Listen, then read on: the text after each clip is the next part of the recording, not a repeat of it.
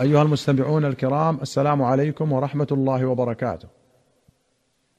أخرج مسلم عن جابر رضي الله عنه قال قال رسول الله صلى الله عليه وسلم: مثلي ومثلكم كمثل رجل أوقد نارا فجعل الجنادب والفراش يقعن فيها وهو يذبهن عنها وأنا آخذ بحجزكم عن النار وأنتم تفلتون من يدي. قوله آخذ روي بكسر الخاء اسم فاعل وبضمها فعل مضارع. آخذ. وكذلك تفلتون.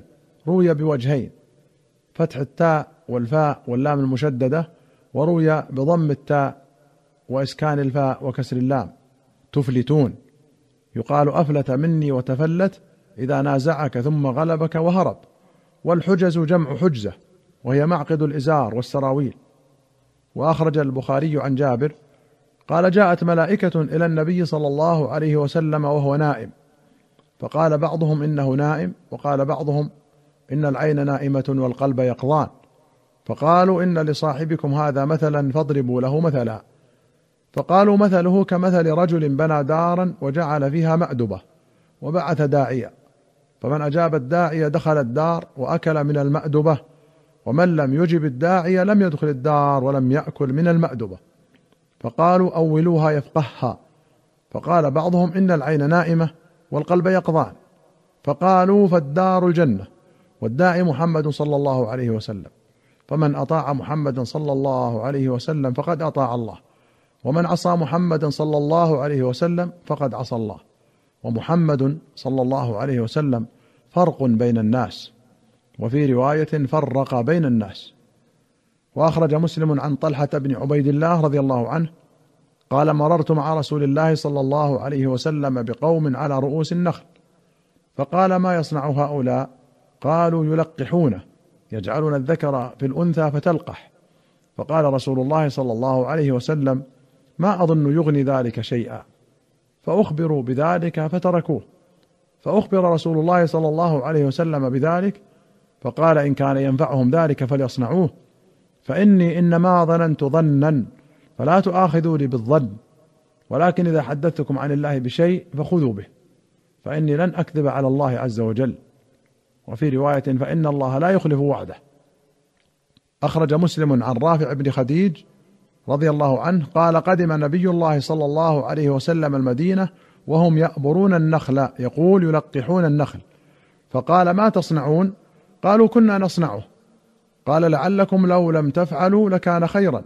فتركوه فنفضت أو فنقصت فذكروا ذلك له. فقال إنما أنا بشر. إذا أمرتكم بشيء من دينكم فخذوا به وإذا أمرتكم بشيء من رأيي فإنما أنا بشر. وأخرج مسلم عن أنس رضي الله عنه أن النبي صلى الله عليه وسلم مر بقوم يلقحون فقال لو لم تفعلوا لصالح فخرج شيصا. فمر بهم فقال ما لنخلكم فقالوا قلت كذا وكذا. قال أنتم أعلم بأمر دنياكم. والشيص هو التمر الذي لا يشتد نواه ولا يقوى وقد لا يكون له نوى أصلا وإذا يبس صار حشفا. وأخرج البخاري عن أنس قال إنكم لتعملون اعمالا هي أدق في أعينكم من الشعر. إن كنا لنعدها على عهد النبي صلى الله عليه وسلم من الموبقات. قال البخاري يعني المهلكات. وأخرج البخاري عن أم الدرداء قالت دخل علي أبو الدرداء وهو مغضب. فقلت ما أغضبك؟ قال والله ما أعرف من أمر محمد صلى الله عليه وسلم شيئا إلا أنهم يصلون جميعا. وأخرج البخاري عن المسيب بن رافع قال لقيت البراء بن عازب. فقلت طوبى لك.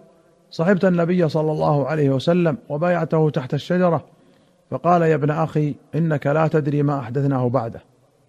وأخرج مسلم عن أبي هريرة أن رسول الله صلى الله عليه وسلم قال من دعا إلى هدى كان له من الأجر مثل أجور من تبعه لا ينقص ذلك من أجورهم شيئا.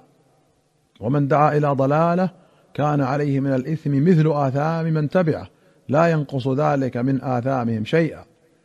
وأخرج البخاري عن أبي مريم عبد الله بن زياد الأسدي قال لما سار طلحة والزبير وعائشة إلى البصرة بعث علي عمار بن ياسر وحسن بن علي فقدما علينا الكوفة فصعد المنبر فكان الحسن بن علي فوق المنبر في أعلاه وقام عمار أسفل من الحسن فاجتمعنا إليه فسمعت عمارا يقول إن عائشة قد سارت إلى البصرة ووالله إنها لزوجة نبيكم صلى الله عليه وسلم في الدنيا والآخرة ولكن الله تبارك وتعالى ابتلاكم ليعلم إياه تطيعون أم هي.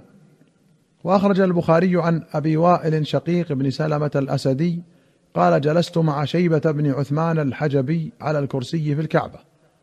فقال جلس هذا المجلس عمر. فقال لقد هممت الا أدع فيها صفراء ولا بيضاء إلا قسمتها بين المسلمين. قلت ما أنت بفاعل؟ قال لما؟ قلت لم يفعله صاحباك. قال هما المرآن يقتدى بهما. وفي رواية قلت إن صاحبيك لم يفعلا فقال هما المرآن أقتدي بهما. قوله صفراء ولا بيضاء أي ذهبا ولا فضة.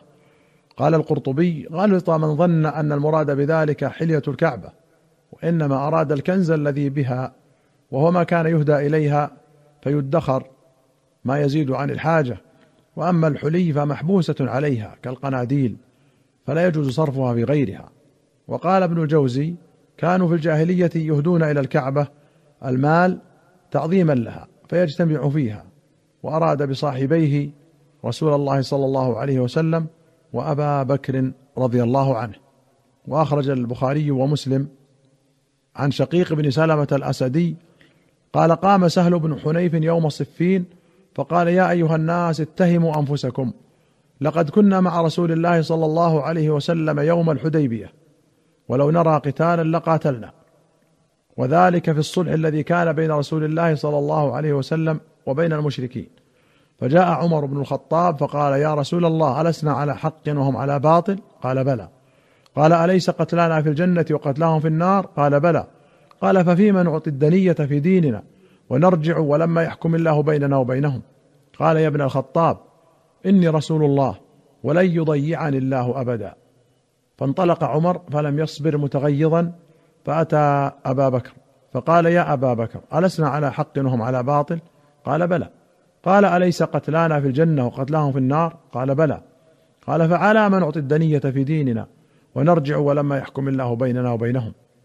فقال يا ابن الخطاب إنه رسول الله ولن يضيعه الله أبدا. فنزلت سورة الفتح. فقرأها رسول الله صلى الله عليه وسلم على عمر فقال يا رسول الله أو فتح هو؟ قال نعم فطابت نفسه ورجع. وفي رواية أنه سمع سهل بن حنيف بصفين يقول يا أيها الناس اتهموا رأيكم على دينكم. لقد رأيتني يوم أبي جندل ولو أستطيع أن أرد أمر رسول الله صلى الله عليه وسلم لرددته. وما وضعنا سيوفنا على عواتقنا إلى أمر يفضعنا. إلا أسهلنا بنا إلى أمر نعرفه. غير هذا الأمر ما نسد منه خصما الا انفجر علينا منه خصم. ما ندري كيف نأتي له. وفي أخرى قال كنا بصفين فقال رجل ألم تر إلى الذين يدعون إلى كتاب الله؟ فقال علي نعم. فقال سهل بن حنيف اتهموا أنفسكم وذكر الحديث. الخصم بضم الخاء وسكون الصاد الطرف وخصم كل شيء طرفه وجانبه. وجمعه خصوم وأخصام وأخرج البخاري عن ابن مسعود قال إن أحسن الحديث كتاب الله وأحسن الهدي هدي محمد صلى الله عليه وسلم وشر الأمور محدثاتها وانما توعدون لآت وما أنتم بمعجزين. أيها المستمعون الكرام إلى هنا نأتي إلى نهاية هذه الحلقة حتى نلقاكم في حلقة قادمة إن شاء الله نستودعكم الله والسلام عليكم ورحمة الله وبركاته.